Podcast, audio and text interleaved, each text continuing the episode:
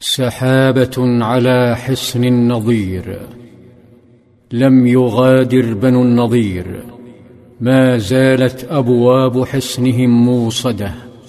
وإذ بمشهد غريب يراه المسلمون. سحابة خانقة تخيم على الحصن. لا برد فيها ولا ماء. ولم تأت من السماء. بل صعدت من الحصن. سحابة غبار لم تثرها دوابهم فدوابهم متوقفة. ثارت من البيوت فبعد أن أناخوا إبلهم وهيأوا بغالهم وحميرهم بدأوا يحملونها بالذهب والفضة والثياب. وخرج حاخامهم الخائن حيي بن أخطب يحمل كيسا من الجلد يسمى المسك مملوءا بالذهب والفضة ليضعه على إحدى دوابه. لم يكتفوا بحمل ما خف وزنه وغلا ثمنه.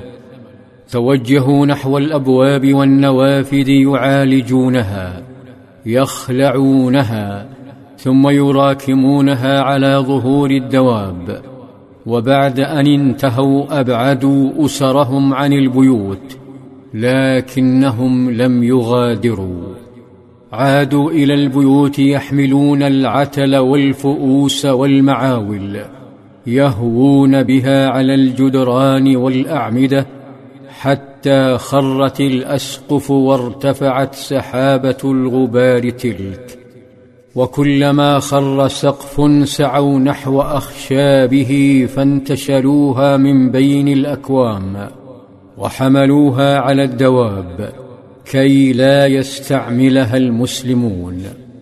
فتحت أبواب الحصن فشاهد الصحابة الخراب فأدركوا هدفهم. فأرادوا إشعارهم أن تلك البيوت والأموال لا تعني لهم شيئا.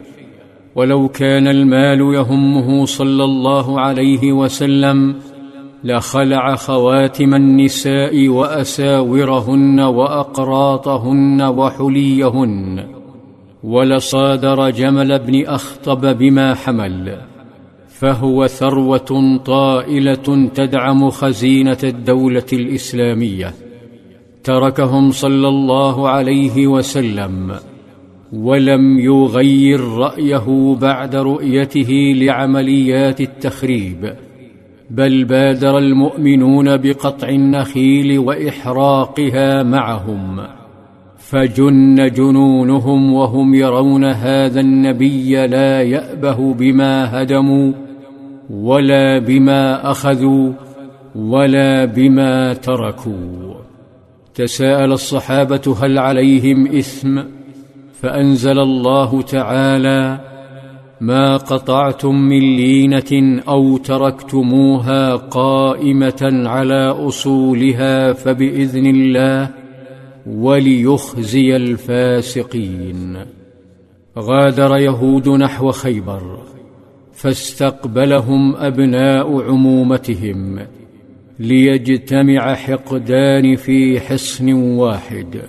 وفي أحد الأيام تسلل الطاغوت بن أخطب ومعه كيسه المليء بالمال.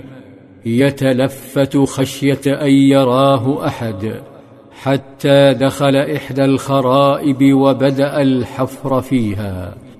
ثم أنزل الكيس ودفنه وعاد. وعاد أيضا إلى نشاطه الخياني ضد الدولة الإسلامية بالتخابر مع قريضة والوثنيين. ونزلت سورة الحشر.